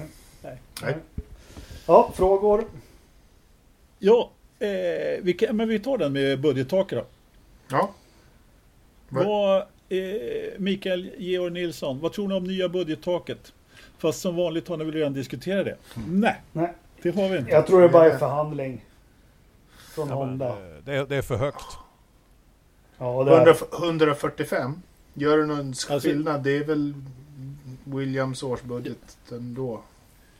Ja, men vi kan väl dra ramarna där. Det, det var ju satt till 175 till att börja med. Ja. Men man har förhandlat ner det till 145 och tanken är väl att man ska försöka att förhandla det så att det blir ännu mindre då 2022, det vill säga 130. Va?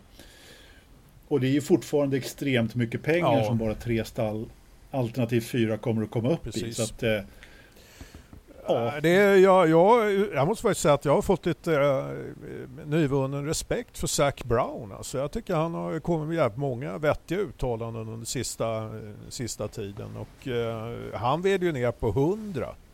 Kanske ännu lägre om det behövs. Va? Det där måste du ha hört i vår podd, för det har vi snackat om. Ja, ja, just det. Jag, körde, jag har faktiskt kört lite lovord till Zac Brown här Ja, tidigare. ja. Och att han har, gjort, eh, han, har, han har gjort en riktig comeback där killen. Ja, faktiskt. Eh, Jag vet inte om han har varit borta men riktigt bra eh, sistone. Ja, men det, du vet, det tar tid att bli accepterad eh, hos oss. Va? Det, det, Ja, det ja, det, vi, släpper inte in vem som helst. Va? Men nu, eh, nu har vi gett klartecken för Zac Brown. Nej men alltså, Ja. eh, när han säger att man ska komma ner under 100, ja. Jag tror definitivt man behöver ner under 100 liksom. Det är, och, och, en, och en bit till. Ja, För att Det tror jag det, med. det, det är fortfarande liksom Och det är 100 respekt- miljoner.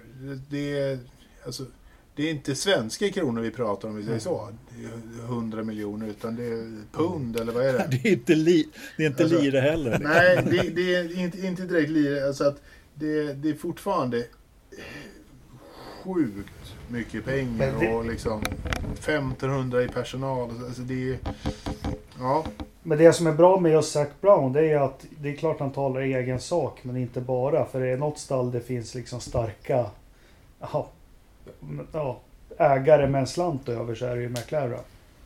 ja, ja de, de Ja. har väl inga problem så. Liksom, Mm. ägar, ägarpengar finns ju och det finns ju historik och det finns ju allting. Det här är ju ett stall som, som verkligen man borde ta på allvar när de säger att det här, vi, vi måste dra ännu mer. Eh, Ja, men i det här fallet så pratar han ju faktiskt i egen sak och för sportens bästa. Ja.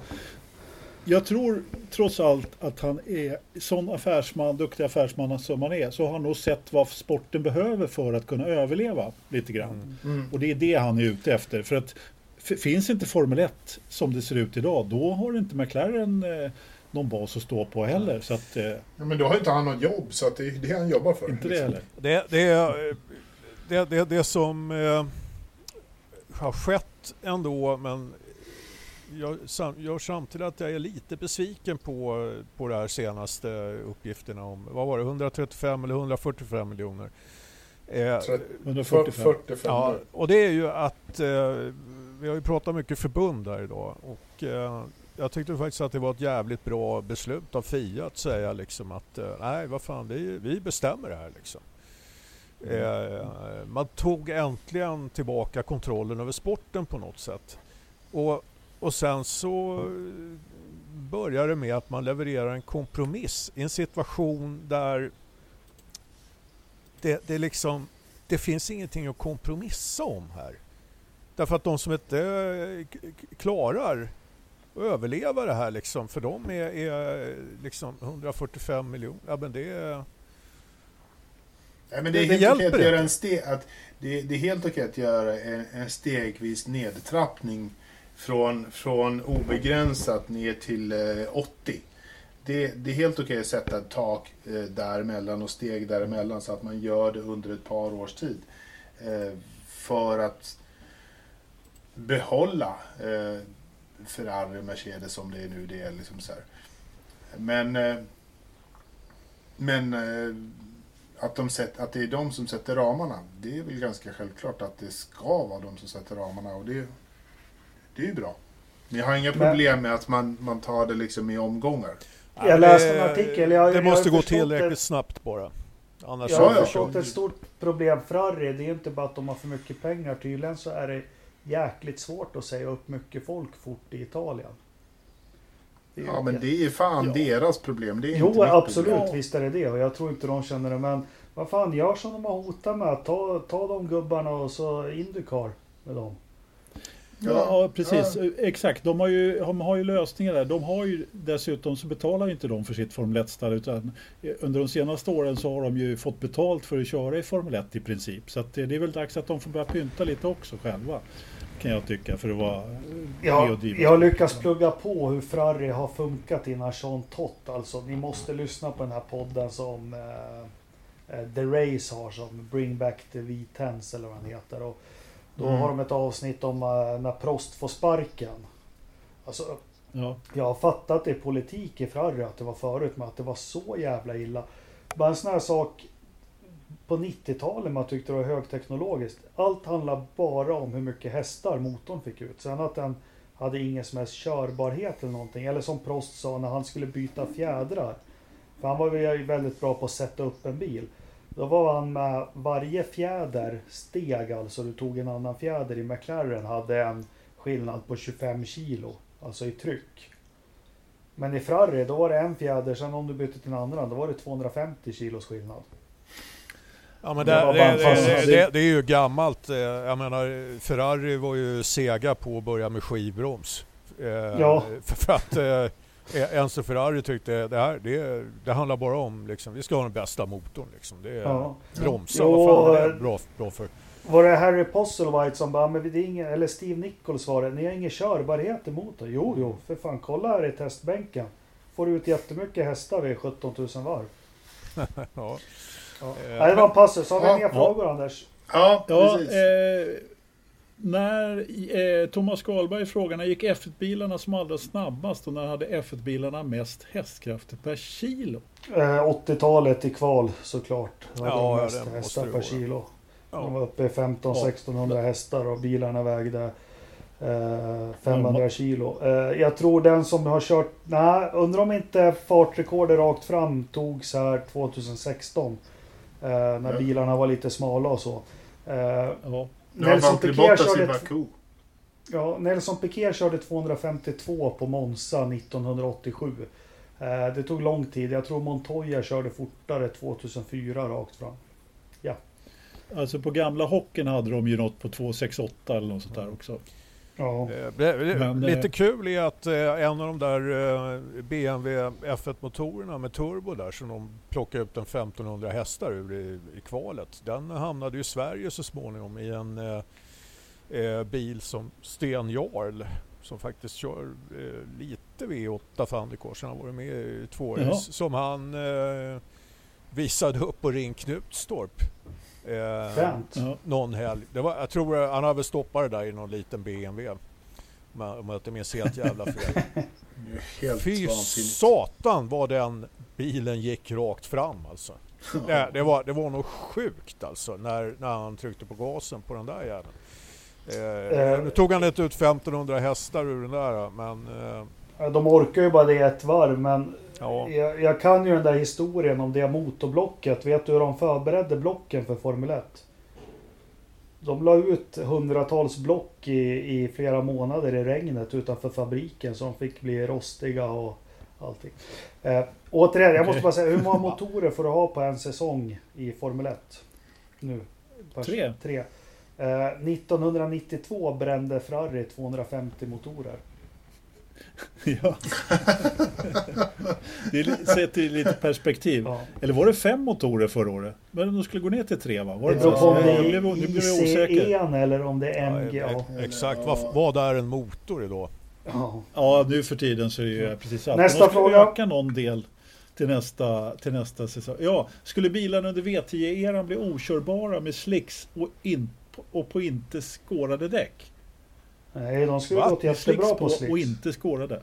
Ja, de skulle, varför, skulle, varför skulle de bli okörbara? Det vet jag inte. De skulle, natur, de skulle naturligtvis gå jävligt mycket bättre. Mm. Ja. Vem, vem ställer glömma... frågan? Det är Skalberg. Ja, just det. Förlåt. Sen får man inte glömma att eh, de här eh, däcken med skåror vart ju otroligt jävla bra eh, på slutet. Eh, problemet, ja. de tog ju ner, de satte in ränder i däcken för att få ner hastigheterna i kurvorna. Men det tog ju bara några år så var de där däcken så jävla bra. Och problemet var ju när du väl tappade greppet. Då fanns det ju inget gummi att rädda det med. Nej. Nej, men du är inne på något där, för att grejen var ju den att ja, först, första tiden så var de inte så bra, men sen utvecklar man ju de där däcken som i allting annat. Och jag menar, det, det, det tog ju, skårorna tog ju bort sin eh, funktion efter, efter en period. Där, Yes. Så. Ja, Ja, eh, sen har vi eh, något som vi har diskuterat lite. Tror ni Pagino får några res- repressalier efter påkörningen av Lando i iRacing? han får komma till Pumping Iron Huddinge och så får han köra Biltemas gummiband. Svarta modellen! Ja, Ja, precis. Jag tror det är straff nog. Mm. Det är förmodligen straff nog. Nej, jag tror inte han får några repressalier eh, heller, men eh, vi hoppas på det som vi har sagt Han- tidigare. Han borde få det i alla fall. Ja, han borde få det, precis. Mm. Var, var och när, du, vi har fått, du la ju ut en konkurrerande frågetråd, tråd, eh, Jakob, Ja, eh, med våra Nune på också. Eh, där har vi fått en fråga också. Var och när går årets första lopp och hur många blir det? Eh, då tycker jag vi kan låta Ternström svara på det som inte har diskuterat frågan tidigare i podden. årets första lopp. Ja, menar man F1 då? Ja, Nej, i hästkapplöpning, vad fan? Ja men eh, vad fan, det finns The väl... ja, Virtual det, Kentucky Derby, det var ju för fan i lördags. det finns väl annan motorsport än F1? Vad fan? Nej, Nähä, det gör det inte. Nu diskuterar vi Formel 1. Nej, jag vet Jag- inte. Jag, eh, de kanske kan köra sitt eh, jävla cirkusjippo där i Österrike. Jag, jag vet inte. Men det finns inga garantier för att alla kan vara med. Ja, risken är ju stor att man eh, bäddar för ett nytt Australien. Liksom. det blir ingen Formel 1 i år säger jag. Det blir, Nej, jag tror faktiskt... det blir det visst, det säger jag. Jag håller fast. Ja, jag tror också det. Alltså, det beror lite grann på naturligtvis, men om vi säger så här. För, för någon par veckor sedan så trodde jag absolut inte det skulle bli någonting i Österrike den 5 juli. Men som det ser ut nu och med uppgifterna som kom ut idag, att man, eh, hur man kommer lägga upp det hela, så verkar ju planerna i alla fall verkar vara väldigt långt gångna. Och just för att man inte ska vet, eh, riskera ett nytt Österrike, Ja, då, så det- har man en men- egen provtagningsgrunka med sig och Eh, man ska liksom vara helt i... Och det måste man ju göra naturligtvis. Sen är det ju många som säger då att äh, man kan inte hålla på och åka runt sådär liksom och lägger någon slags moralisk aspekt på det för att folk helt plötsligt börjar träffas bara för att Formel 1 in, liksom, eh, får ett, Fast ett det- system att göra. på. Anders, bara för de lägger fram, det är precis som Svenska fotbollsförbundet och Svensk Elitfotboll lägger fram förslag på hur de ska starta allsvenskan. Det skiter ju Tegnell i. Ja, Fullkomligt. fullkomligt. Ja, Ja, han skiter Ja. i det. Nej, här är det ju inte frågan om det, utan här är det ju frågan om, jag menar, de, de pratar ju med, med Österrike om, om det är möjligt att genomföra på det Mm. Ja. sättet som man vill göra. Eh, men äh, vi får se om de kommer i mål. Jag är inte övertygad, men vi får väl se. Ja. Det var frågorna där. Ja, du, jag har en grej då innan. Eh, nu får ni ursäkta min... Jag sitter med en kopia på ett maskinskrivet brev från 1989. Eh, som eh, den som har skrivit det är Ken Turell. Och han har skrivit det, nu vet jag inte efternamnet men jag vet exakt vilka det är. Det är till Nigel and Jean-Claude. Jean-Claude måste vara den där som jobbar med en fin mustasch för, eh, ja skitsamma för Turell. Han skriver i alla fall så här inför ett test till dem. De är ju tydligen eh, leder testteamet då. Please instruct Sean Alesi that this is a testing and not qualifying or racing. What we are looking for are consistent lap times in order to evaluate the changes being made. No spins, no offs, off circus. ja. Jag tycker det var ett helt fantastiskt brev i alla fall. Vad har du att Det säga var Anders? någonting om att de, Ja, det var de det, var någon, ja, det var väl någonting om att de skulle stämpla kuponger där också. Ja, du har läst samma. Hotellkuponger. Ja, jo, du har Ja. läst samma. Ja, det avslutas så. Men jag tycker det är kul, stallchefen. Please instruct Alesi that this is testing and not qualifying or racing. Ja, grejen var ju den att äh, men det, det, hela den där artikeln eh, i The Race var faktiskt väldigt bra. Vi hade faktiskt tänkt ta upp den, kanske inte i den här podden, men nu när du ändå eh, läser det där brevet så, så var det ju faktiskt så att storyn bakom eh, Alboretos och eh, menar att Alesi fick chansen i Turell, den står ju där. Men i det var väl Marlboro och Camel? Ja, de, det var, det var, de frontade med det ja.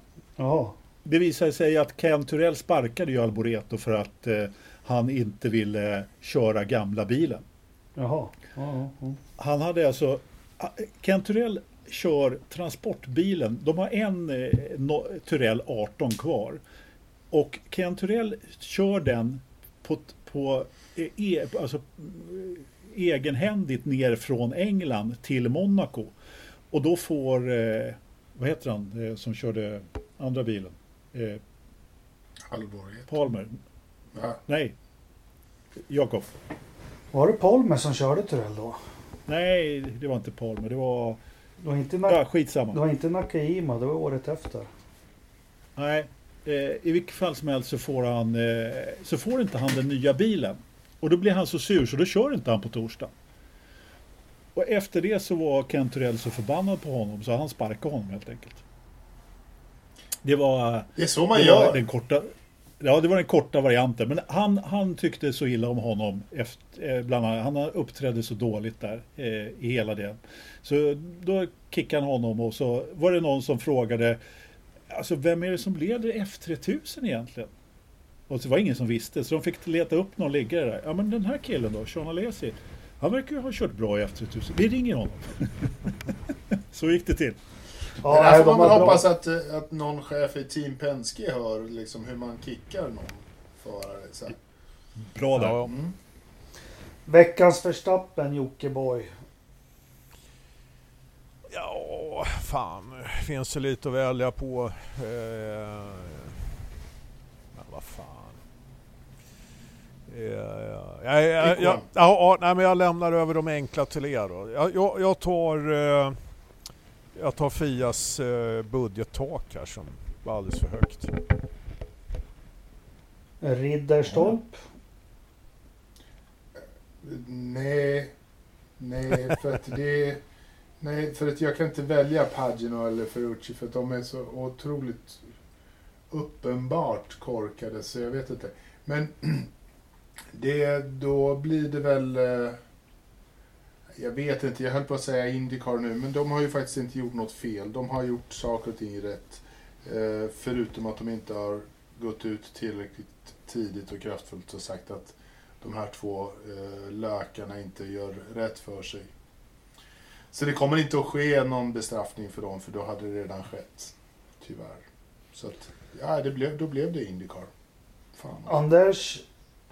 Ja, det är alltså, själva plattformen iRacing där, de kan ju inte straffa dem för det här var ju inte under deras flagg som det här gjordes. Nej, nej. Det kan vi vara tydliga och säga också. Nej men eh, jag måste ta en gammal goding så det, det får bli Ferrucci. Det, ja, han måste få bli veckans Verstappen den här veckan. Så enkelt är Och det. jag sa ju tidigare Jakob. också Ferrucci. Då kommer vi till veckans Jaha, höjd, höjdpunkt. Vad fan är. SBF klarar sig undan alltså. Ja, du, Nej. du sa ju ingenting. Det är därför du var med. Ja, jag trodde det var en av de där bollarna som ni skulle slå in i mål. Nej, veckans Ferrucci, det måste bli Rickard Herrey, kom jag på. Ja, okej. Rickard Herrey. Ja. Fast om du säger Ferrucci då säger jag Pagino. Jag, Bilsportförbundet var min Verstappen förra veckan. Så att, Ja, eh, ja. ja, det är lättmolnighet i Grubbelsjön. Ja, ja. Det är 0,1 grader Celsius. Fan, vad 78, kallt. ja, 78 procents luft, luftfuktighet ute. Ternström, det är ett annat mätetal som är jätteintressant nu. Det är luftfuktigheten inne. Som meddelar har legat på en stabil nivå sen Anders misstänker att han sagt, satte upp Apax-fläktarnas Rolls Royce va? Med helautomatik. Absolut. Då har han hållit luftfuktigheten mellan 15 och 20 procent. Vad tror ni att den är nu? Jag vet inte. Alltså jag har ju märkt av en ökad luftfuktighet här hemma sedan jag startade Pumping Iron Huddinge. eh, man, när man har ett helt gäng som är, är här inne och gympar i vardagsrummet liksom, då, då blir det jävligt fuktigt snabbt. Så det beror väl på hur mycket pastis håller på att svettas inne i, i kåken där. Kör du ingen sån här video... eh, vid, Har du ingen videokamera? Vi, ja, precis. Så att du kan Nej, liksom men det köra... är det som jag har sagt va, att det, det är mina, På mina distans. kunder föredrar diskretion. Ja fast du sa ju att du, när min fru anmälde sig att du skickade instruktionsvideo på Betamax. Ja, Eh, Var det något fel på det eller? Nej, Nej. Nej men det, det är också så. Och då har jag ju, då kan man alltså köpa loss en, en gammal Sony-spelare från mig. Just det. Från, från vanen du har där ute stående från 1988. Ja, nej men det, det, jag, jag har många sådana här, eh, vad ska man säga, kan kalla för integritetsåtgärder. Eh, alltså. GDPR med andra ord. Ja, det gör att materialet sprids inte lika. Mm. Nej, precis. Snabbt. Det är väldigt, väldigt hysch-hysch. Ja. Men vad, vad är det nu? Vad, vad är luftfuktigheten? Vad är det, det som får... Ja, jag, jag, tror, jag tror den är 72 procent inomhus. 72 procent inomhus? Ja, ja, ja, för Vad var det som ramlade omkull nu? Ja. Det var Jakob som svimmade där bakom. Ja, den har ju då maxnoteringen är från, eh, den är på 63 procent. Åh helvete. Mm. Eh, nej, men den är uppe på 37 procent Anders, så det är nog vajsing med fläkten. Ja, men det är, ja, det är blött helt Eller enkelt. så duschar Här, här i Tullinge så, så kom det ju en hagelskur idag. Så, att, eh, Ja. så det bara smällde i taken här. Så att, eh, det var lite fuktigt här också. Man, man, man skulle ju eh, önska då att eh, man kunde få lite mätningar på mögelsporer i den där kåken. Nej, det vill vi Nej. inte veta. Det vill vi inte Ja. ha. Ja. Ja. Eh, kronjuvelen i poddavsnittet, tempen i datorförrådet, Ridderstolpe, Alltid 22,4. Lövström, 17,3. Jockiboi, Ja, det börjar pipa iväg nu va. 27. 10 grader. Helvete. Jo, men jag säger det här det. är- Han har kommit sagt- åt någon gammal kylaggregat från Amazon Ja. server eller Eller hur? Googles där uppe i Luleå. Så Nej, Men för fan, Ja, bara öppna öppna dörren där. Ja, han har glömt att stänga Ja, Vem, dörren. vem fan köper kylaggregat när man bor uppe i Norrland? Det är ju som att, att eh, sälja, sälja glass på eh, Mm. Grönland. man vill ju inte att det ska pipa iväg. Nej. nej. på Hängslen och svångrem. Ja, så var det med det. Avsnitt 93 avslutat. Nu är det bara sju kvar tills vi får lägga ner skiten. Ja. Äntligen. Ja. Vi skulle ju ha haft 100 avsnitt, det vet ju du Jockiboi. Vi hade ju hyrt Globen och, och skulle ha livepodd, det är ju inne. Men Ja. nu är det ju coronatider så. Det blev inte så mycket publik där så vi, vi har Ja, inte ja, råd. ja, ja, jag tror faktiskt att publiktappet blir ju faktiskt inte så, det blir inte så stor skillnad. Nej, Fast vi har i alla fall lyssningar så att vi kan inte ha en allmän samling. Nej. Så mycket kan vi säga om våra lyssningar. Ja. Vi, vi går ju helt emot eh, Tegnell då. Eh, Faktiskt. ja. Det gör vi Tro det eller ej. faktiskt. Ja. Mm, Så det får Spännande. andra poddar ägna sig åt. Fan vad bra. Eh, börjar vi närma oss slutet, då kan man ju dra igång deklarationen. hela. ja men du hade ju, hade inte du lejt över det på Ja. Salin och Marjasin? Ja, just det. Just det. Nej, jag fick, jag fick jättebra deklarationstips faktiskt. Bästa jag någonsin har fått. Det var ju bara att gå in och, och, och söka anstånd så eh, fick man ju ända till första juni på sig. Men vad, vad var det du skrev Det- till oss? Din bokföring den var i, i jackfickor och i bilen. Nej, Handskfacket. det, det, var inte, det var inte kontoren på fickan. Det var kontoret i alla fickor. Ja, precis. Ja, nu, nu kan det ju faktiskt vara så att eh, vi har lyssnare som jobbar på Skatteverket här. Det är i värsta. Men jag är ärlig. Jag, jag, jag, jag, liksom, om det är någon överhuvudtaget som förlorar på, på, på detta så är det jag. Det, jag Men du, hur mycket tar du upp som anläggningstillgångar på gymmet då i år, första årsredovisningen? Ja. Det jag vet inte. Jag, får, jag måste hitta någon jävla revisor som kan sånt här. För jag är ju helt... Ja. Jag, jag, jag förstår inte ens vad du pratar om. Vad är en Och vi tre, vi börjar ju direkt diskutera vad är det för avskrivningstid på Biltemas gummiband. Ja, jag kan, säga, jag kan säga att eh, racket som jag köpt eh, ute för knäböj och, och, och bänk, va, den avskrivningstiden blir nog ett halvår som den eh, ställningen rostar. Ja, okej. Eh, Ja. inte gjort för att vara- stå utomhus. Sen måste ju fundera på hur du ska gömma undan spritnoterna där också. Exakt. Till fest, invigningsfesten. Ja exakt. Det är, eh, Mycket Biltema där. alltså jag, jag, jag dricker ju inte så mycket sprit längre. Det är ju det. Så att, eh, jag vet inte. Nej. Fan. Eh, Det är, det är nöjet när man har upptäckt heroin. Det är att man... Ja, Precis, Ja, eller faktiskt. Richie, Rich Energy. Ja, Rich Energy. Ja, hörni, tack ska ni ha för idag. Vi hörs om en vecka Ja. igen. Ja, Ha det ha det gott. så bra. Ha det bra. Hej, hej.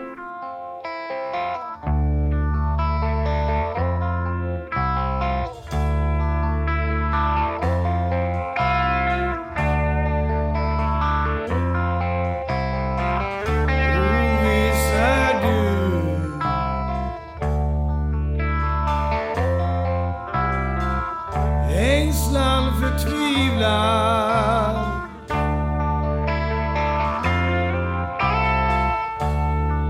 man ängder